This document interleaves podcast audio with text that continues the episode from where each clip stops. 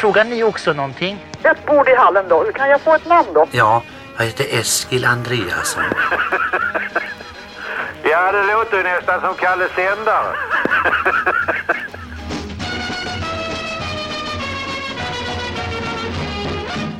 Nej, Eh, du sa ju att vi skulle börja lite lugnare idag.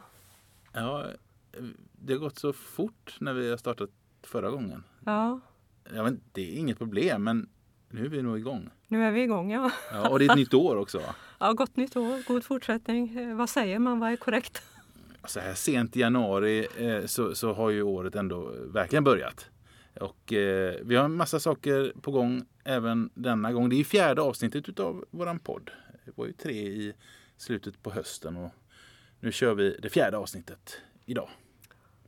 Och det är en väldigt speciell dag, ett väldigt speciellt avsnitt för att nu har vi Kalles dotter Ingvor Linder med oss idag. Det känns fantastiskt roligt att få höra hennes bild av sin pappa. Ja, det är ett, eh, extra, en, ett extra plus för oss alla som, som gillar Kalle Sändare att eh, Ingvor, eh, ja, vi ska inte säga för mycket, men hon är med oss idag under fjärde avsnittet. Jag heter Lars Karlsson. Och jag heter Laila Wernestig. Så vi kör igång helt enkelt. Vad händer mer? Vi träffar Ingvor lite senare i programmet. Men eh, innan det så har vi någonting annat. Vi hade ju ett Kallekryss i förra avsnittet och vi har fått in massor av härliga tipsrader och ägnat oss här på förmiddagen åt att eh, rätta rader och utse en vinnare och en tröstpristagare. De är duktiga de som lyssnar på podden. De, det är många som, som, som har många rätt. Jag vet hur svårt det är att tippa rätt på, på Stryktipset. Va? 13 rätt va? Ja, Eh, och här var ju några stackare som hade 12. Det är ju inte roligt. Ja, då kan man, man kan ju vinna jättemycket eller jättelite. Det beror ju på hur, hur matcherna spelar om man nu snackar fotboll. Va? Men nu är det Kalle det handlar om. Och ehm, Ja, vi har ju sagt så här att även om man har 12 eller 0 rätt så kan man i alla fall vinna tröstpriset. vad är det för något? Det är någonting hemligt. Det, det skickas till en person i ett rör på posten. Såklart, såklart. Vi vet ju vem, vem som vann tröst- tröstpriset den här gången. Eller? Ja, och vi ska ju avslöja detta på något sätt. Du ja. eller jag? Ja, du kan väl ta, eh, ja, jag kan säga eh, förnamnet så kan du säga efternamnet. Eh, Personen som vinner tröstpriset i det här Kallekrysset, han heter Kenneth. Östberg. Grattis Kenneth! Kenneth Östberg. Du har vunnit tröstpriset i, i poddens första eh, Kallekryss. Det kanske kommer fler senare. Men grattis, grattis! Alldeles snart får du någonting på posten då. Ja, eh, det var Kenneth Östberg det. Men så har vi en vinnare, en person som faktiskt har svarat rätt på samtliga 13 frågor. Ja, jag vill samtidigt säga att det fanns fler. Inte jättemånga, men fler som hade alla rätt. Så vi fick ju lotta fram den här vinnaren då. Det är inte imponerande att lotta, men det är imponerande att få 13 rätt på Kallekrysset, det skulle jag vilja säga. Det är det. Och den här personen vinner ju dessutom något av det finaste man kan vinna. Ett önskesamtal i podden då med Kalle Sändare. Och vinnaren är Ja, det är Ulf Sannemo i eh, Östergötland. Han, eh, du Ulf, om du lyssnar på det här så, så räkna med att vi tar kontakt med dig så, så ska vi se till så att du får framföra ditt favoritsamtal i en kommande eh, podd. Stort grattis Ulf! Den rätta raden då, hur, hur lyder den? Ja, den kommer här. Etta, tvåa, kryss, etta, etta, kryss, etta, kryss, tvåa, tvåa, etta, etta, tvåa, kryss, kryss, etta, tvåa, kryss, Ja, men hallå, vänta lite nu. kryss. Vänta, var det inte 13 rätt bara? Det här var ju många fler. Hallå? Jaha, du tänkte så. Okej, Ja, okej. ja, kör, kör, kör de, de alltså, vilka var de, vilka var rätten i Kallekrysset? Tre- 13 rätt var det. Ja, okej. De kommer här. Etta, tvåa, kryss, etta, etta, kryss, etta, kryss, tvåa, tvåa, etta, etta, tvåa.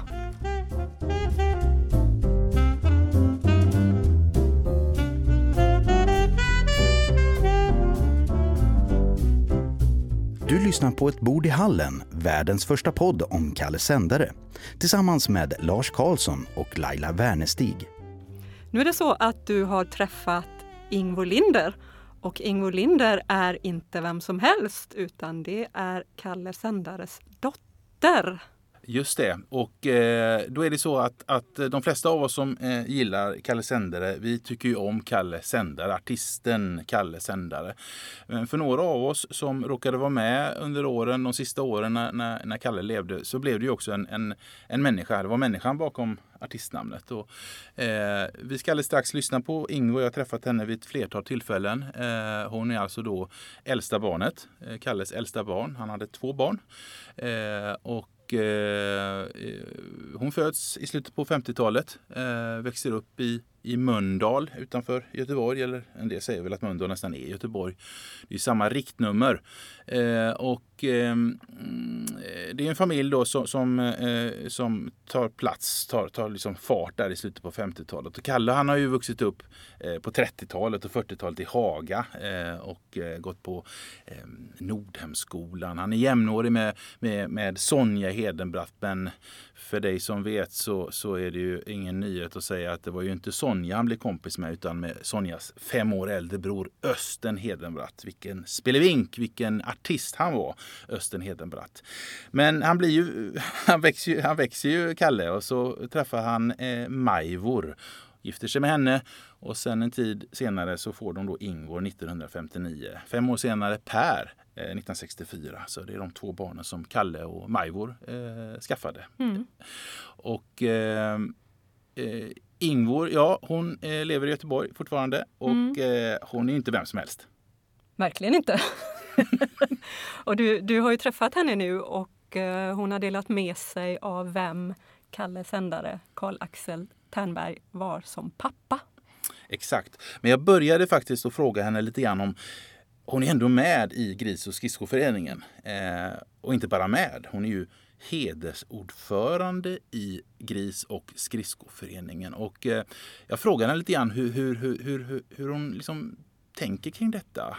Att så många människor samlas ett par gånger om året och lyssnar på hennes pappa. Alltså nu, nu vad ska man sig, det låter ju konstigt att säga, men för det första gången tänkte jag så här, vilka nördar, det är inte klokt, de kan ju allting han säger. Alltså hur, hur kan man, hur, hur, alltså jag får inte ihop det med pappa och att det är Kalle Sändare, att det är så många som lyssnar på honom och kan det här. Så med tiden så har jag också vuxit in i de här mötena och träffarna som vi har. Jag, jag tycker det är jätteroligt. Verkligen och se alla som tycker att han var rolig.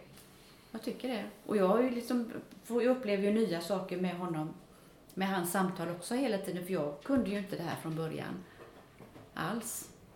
Så det, nej, det är jätteroligt. Ja, Ingvor eh, minns sin pappa väldigt väl eh, när hon växer upp där i Mölndal på, i början på 60-talet. Och det är en pappa, det är en person som inte alls är lika tokig och stollig som i telefon. Han var en eh, snäll pappa som fanns. Jag säger att han var närvarande när han var hemma. Vad ska man säga? Inte sträng men bestämd. Han hade sina... Han var principfast och det var ju det här med hur, hur man ska uppföra sig och absolut inga svordomar och... Ja. Hur man... Eh, hur man beter sig? Hur man beter sig, ja. Lite så. Ja. Även hemma? Även hemma, absolut hemma. Det var inga undantag. Vad fick du lära dig av pappa? Då fick jag lära mig att man inte har armbågarna på bordet när man sitter och äter. Uh, nej, nya hus behöver ingen stötta, sa han alltid då. Mm.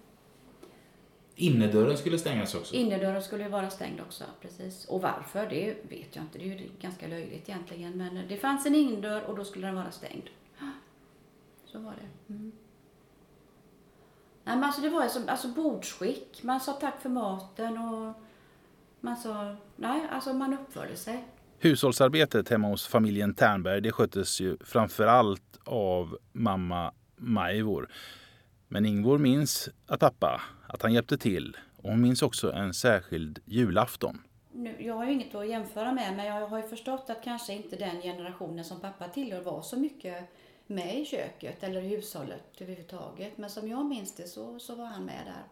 Han diskade och ja, laga mat och, och just dammsög. För jag kommer ihåg det var en julafton, jag var så sur på honom. Han skulle absolut dammsuga när jag skulle se på TV. Och både jag och Per satt i soffan och vi försökte lyssna på TV.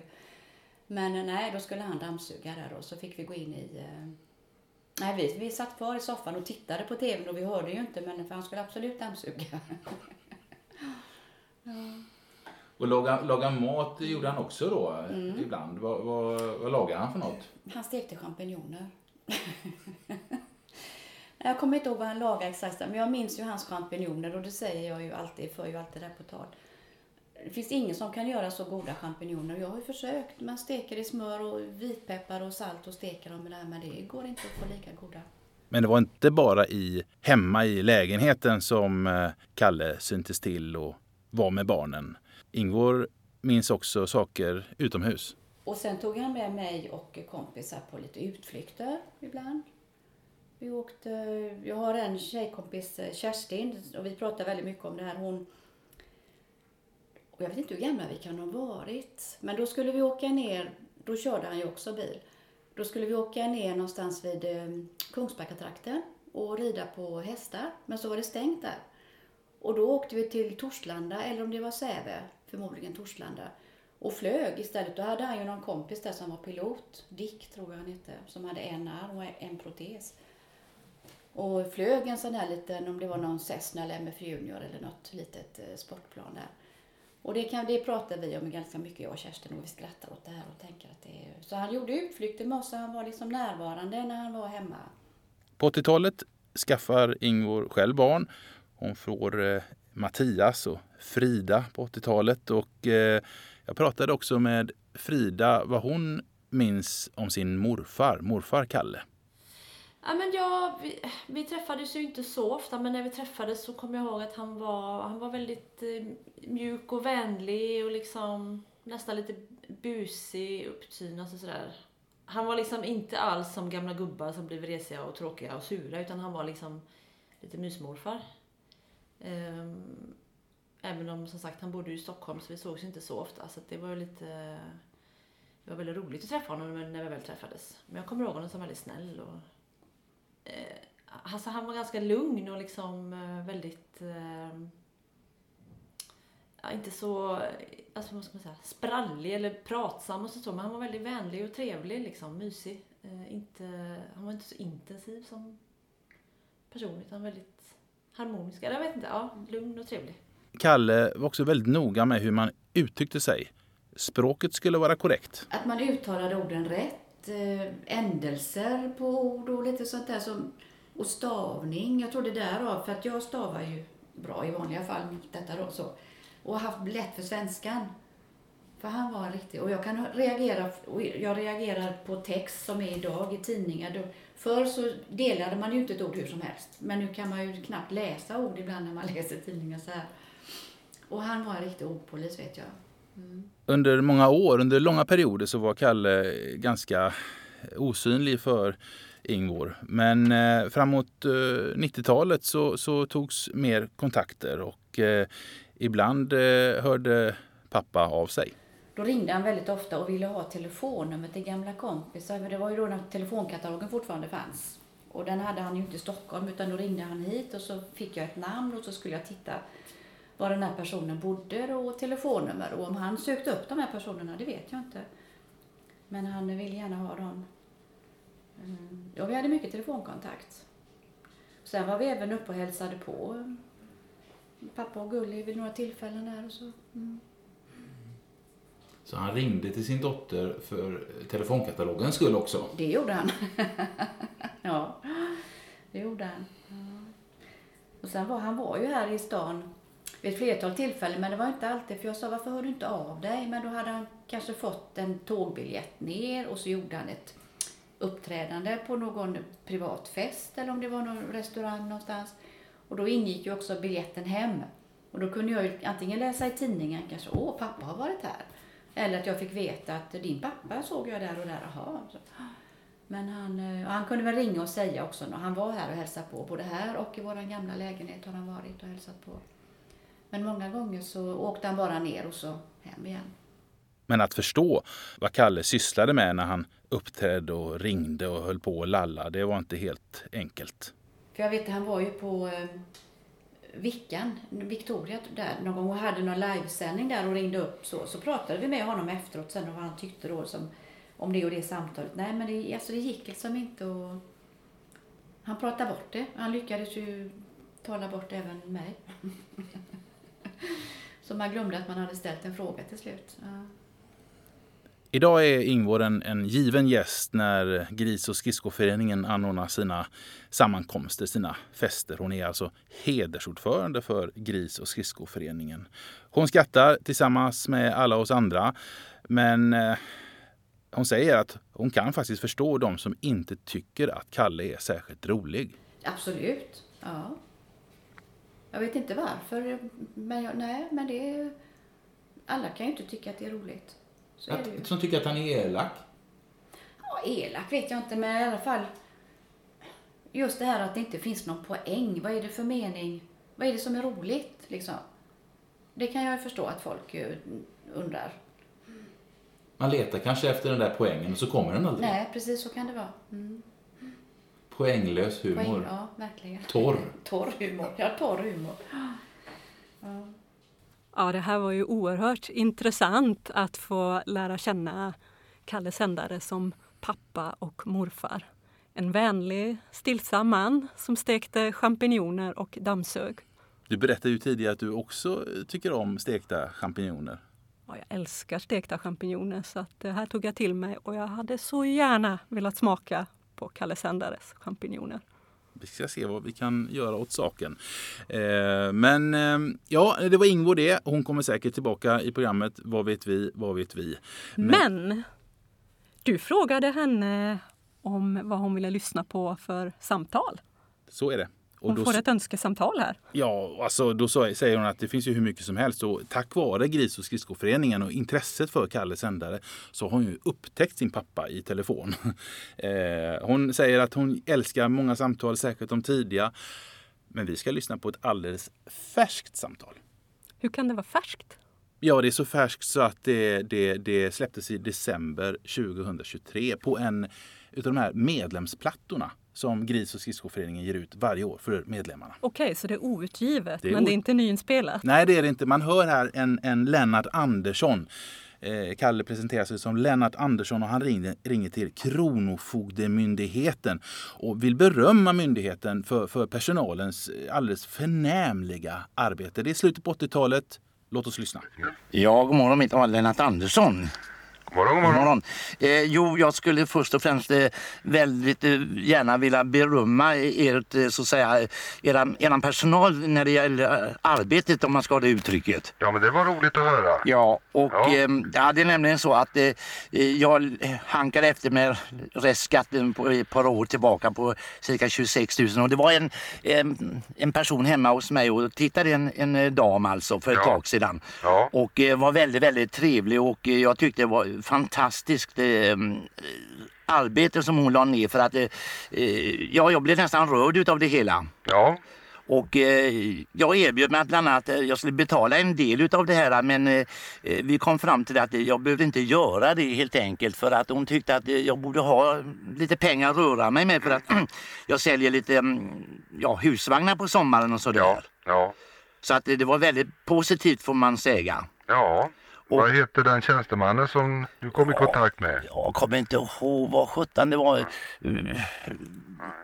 Britt, Britt, Britt, nej, jag kommer, vågar inte säga något, men det var väldigt, väldigt trevligt i alla fall. Och eh, jag sa du kan väl ta den här videohistorien nu, men att eh, då säger hon så att eh, ja, vi, nu kommer ju OS från eh, Sydkorea så att eh, du kanske vill ha den och spela in på sig. Ja, det är klart, det är ju väldigt eh, eh, bra att dokumentera vissa saker, sa då. Ja, ja, eh, behåll du den och så det. Jag, jag, jag helt, eh, ja, Du tror inte att vi kan vara sådana? Nej, man, man blir ju via massmedia och sånt där så har man ju hört kanske medaljens baksida och sådär. va. Men eh, här har men det är ju så här att vi ska utgå ifrån att vi har med vanliga hyggliga människor att göra tills motsatsen bevisas. Ja, jag förstår det. Ja. För att jag, jag sa att okej, 50 till 200 kronor kanske i månaden, men eh, ja, och då, jag sa att det är lite svårt med min deklaration i och med att det är så flexibelt eh, jobb jag har. Och eh, genast var hon väldigt eh, vänligt inställd på att eh, okej, passar det vid tillfälle skulle jag komma hem och hjälpa dig med deklarationen också. Så där. Jag, blir- jag, jag blir helt eh, ställd helt enkelt. Ja, ja. Så det är väldigt bra. Ja, Och, och, du har eh, fått ordning på det nu då? Är inte riktigt men jag håller på i alla fall så gott det går och eh, hon erbjöd sig och, ja, att jag skulle ta kontakt och ringa och så om det är någonting skulle hon komma hem och hjälpa mig med eh, alltihopa i princip. Och ehm, så sa jag också att ehm, ja, på vårkanten kanske man säljer några begagnade bilar. Man måste röra sig med någonting i samband med att man säljer husvagnar. Och sedan om man får ett par öron nu så brukar jag åka ner till Benidorm för där har jag en, eh, en ehm, Ja.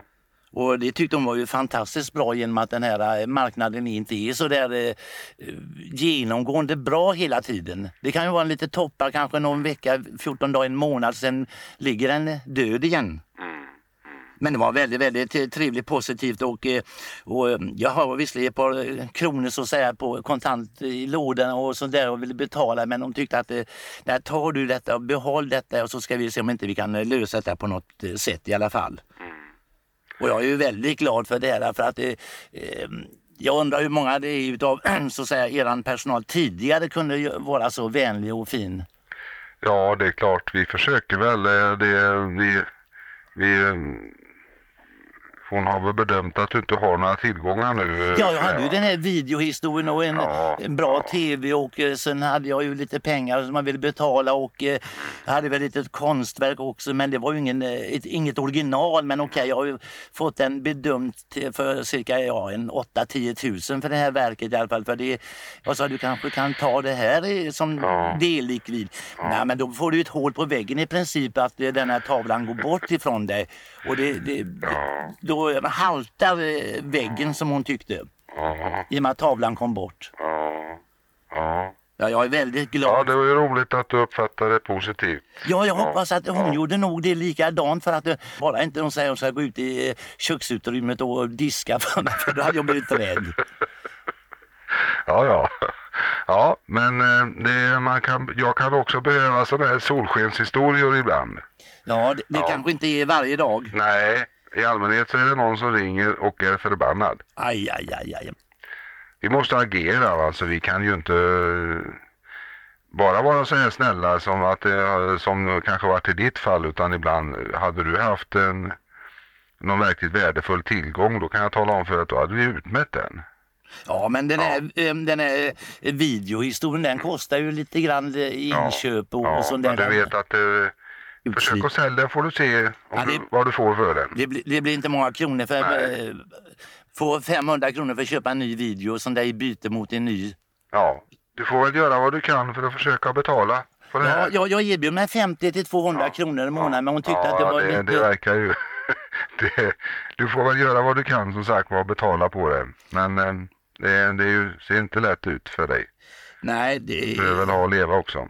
Ja, nu, nu har ju de gått upp också. Ja. Så att det, det är väldigt, väldigt svårt. Men jag är väldigt glad för att det finns sådana personer i ert, eh, Ja, vi, under ert vi, tak. Vi behöver ju inte jävlas med folk för att vi har den här rollen. Vi, vi, vi, vi måste hantera saker naturligtvis men vi behöver ju inte vara otrevliga för det. Nej, nej, nej, här, här var det tvärtom. Mycket artig och eh, kultiverad person och Ja. eh, visste precis antagligen sitt arbete och eh, hade väl sett eh, samhällets baksida flera gånger om. Säkert. Och eh, kommer in här då till mig och, och, och, jag blir lite rädd och så där. Det blir man ju när det kommer myndigheter oavsett vilken kategori av myndigheter det än är. Men eh, här satt vi och pratade och drack kaffe och, och hade mycket... Var, var bor du någonstans? jag bor på Kocksgatan. Kocksgatan på Söder. Ja, semester och sånt där kom vi in på också. Då att vi kan vi komma ner till huset i Benidorm vid tillfälle och hälsa på. Och det var inte mm, så att säga... Det var nog inte främmande för Nej, nej, precis. Rätt ord. Och det, där sa jag att det där kan ju... Där ligger också ett par kronor begravda i detta huset. Du kanske blir vän med din kronassistent. Ja, man vet ju aldrig. Nej. Där jag tyckte vi skildes absolut inte som ovänner. Som, vi skildes som mycket goda vänner. Så att, Det em, låter trevligt. Jag har bara att um, än en gång säga ett stort fång röda rosor för det var väldigt fint. Ja, jag ska ta och notera det här. Vad har du för telefon? Eh, Det sätter också på de andra för att den kommer man inte ut på längre. Nej. Men okej, då tackar jag Ja. så mycket i alla fall. Ja, Mm, tack ska du ha. ja. Hej. Hej. Det var alltså Kronofogden vi hörde. Helt överväldigade av att få ett eh, positivt samtal till sig. Men märker du det? Han, han frågar faktiskt var han bor någonstans. Kocksgatan på Södermalm i Stockholm. Undrar vad han gjorde där efter Mm. samtalet. Det lär vi aldrig få reda på. Nej, men eh, ja, Mm. han kanske vill veta vem som faktiskt var hemma hos Kalle där. Lennart Andersson den där Mm. dagen. De verkade ju ha haft mysigt, jättemysigt va? Benny Mm. Dorm också kanske på, framöver. Det är inte bara Gris och skridskoföreningen som har gömmor. Det råkar, råkar jag känna till. Du har ju skrivit den här biografin om Kalle Sändare och i samband med det så samlade ju du på dig ett gediget material så även du har ett arkiv som vi kan gräva i och det Ja. har vi gjort. Absolut. Eh, Jag träffade Kalle vid flertal tillfällen eh, runt om i, landet. Eh, Ofta när han var på resande fot. Det kunde vara i, i, i, baksätet på en taxibil eller på någon av hans uppträdanden. Men vid ett tillfälle så, så stämde vi träff tillsammans med några andra i en studio på Lidingö i Stockholm. Och då hade jag tanken där lite grann att, att eh, ja, men ställa, ställa några frågor och få det inspelat. Och, eh, vi kommer alldeles strax att få höra Kalle i ett väldigt kort klipp eh, eh där han, eh, han får frågan om eh, förbereder du dig inför de här samtalen på något sätt? Kan man inte, det kan man inte göra om du ska tala med en person. Du kan inte förbereda dig på det, vad han ska svara dig. Det vet du aldrig. Det verkar vara improvisation som gäller fullt ut till 100 procent. Ja, absolut. Och en del gör ju eh, kopplingar till, till Hassan, det här radioprogrammet i P3 på 90-talet. Och de som lyssnade på Hassan och har lyssnat på, lyssnat på Kalle, vi, vi, vi ser likheterna, men vi ser definitivt skillnaderna. Det var ju eh, ganska rig, riggade samtal som Hassan eh, sysslade med. Roliga på sitt sätt, men Kalle, eh, ja, han visste inte vart han var på väg. Eh, det kanske var rubriken på en annons, men mycket mer än så behövdes ju inte. Mm, vad, ska vi, vad ska vi göra nu? Vi, har vi kommit till botten eller? ehm? Jag är lite sugen på att lyssna på Kalle igen. Mm, och, och då hade han ju surrat fast eh, sig ordentligt i, i själva bryggutfasen med nätet. Och där stod han ju och höll i den andra delen. och jag, jag kom sakta eh, gående som vanligt eftersom jag var efter honom den veckan. Va? Alltså här står du, Hjelmer som han heter. Jaså? Och så vände han sig om. Ja, det kan du säga, sa han som kommer så långt efter. Ja, jag fick ju ett ärende. Ja, jag vet det. Och så tittade vi på nätet. Oj, oj, så det såg ut. Han hade det runt hela vägen. Ja, det, det gick ju inte att ha det så. Så att när vi äntligen var klara så var vi ju tvungna att tända lamporna. Och sent blev det ju också. Och han hade ju ingen aning om det här. Och inte jag heller. Vi, vi, vi är lika bra landkrabbor bägge två ihop som en hel låda krabbor. Ja, ja. Ja, och då stod vi där och tittade på varandra med nätet runt bryggan. Ja, det var ju ingen brygga kvar när vi var färdiga. Den hade gått in i nätet. Ja, så vi släpade bryggan upp på land. vi såg inte det mörkret. Vi tyckte det var så tungt och han, då ropade han nu har vi bra fångst. Ja, ja. Ja, vi hade gamla ruttna brädor. Ja. Ruttna brädor i, i diskhon. och, och vad vi kämpade. Och vad han, vad han skrattade åt mig på, på hans födelsedag sedan. Ja. Kommer du ihåg det, säger han till mig. Ja, det kommer jag verkligen väl ihåg. Och kommer du ihåg det då? Nej, det gör jag inte, så jag. och, så höll vi på, ja, vi höll på nästan en vecka. Och vi blev aldrig färdiga med den bryggan. och eh, okunniga som vi är så trodde vi att vi hade gjort rätt. Ja, han hade ju en, eh, vid ett tillfälle hade han fått eh, ett tips av en granne eh, angående bryggan. Va? Så sa grannen så här, "Du, jag tycker du ska ha en livbåt vid bryggan i- ifall det skulle hända någonting. Ja, ja. Och mycket riktigt, han skaffade en livbåt och band fast i brygga. Ja, där hörde vi alltså nät och dylikt från plattan På så sätt som kom 1994 många har detta som sitt favoritsamtal. Det ligger på min topp tre också kan jag säga. Ja, men nu har vi hört mycket Kalle. Och Lasse han har lämnat studion, oklart varför. Så kvar står jag här nu och vill tacka alla som har lyssnat. Eh, hoppas ni vill lyssna på oss igen. Hej då, vi ses, vi hörs och vi kanske syns. Det är det väl inte.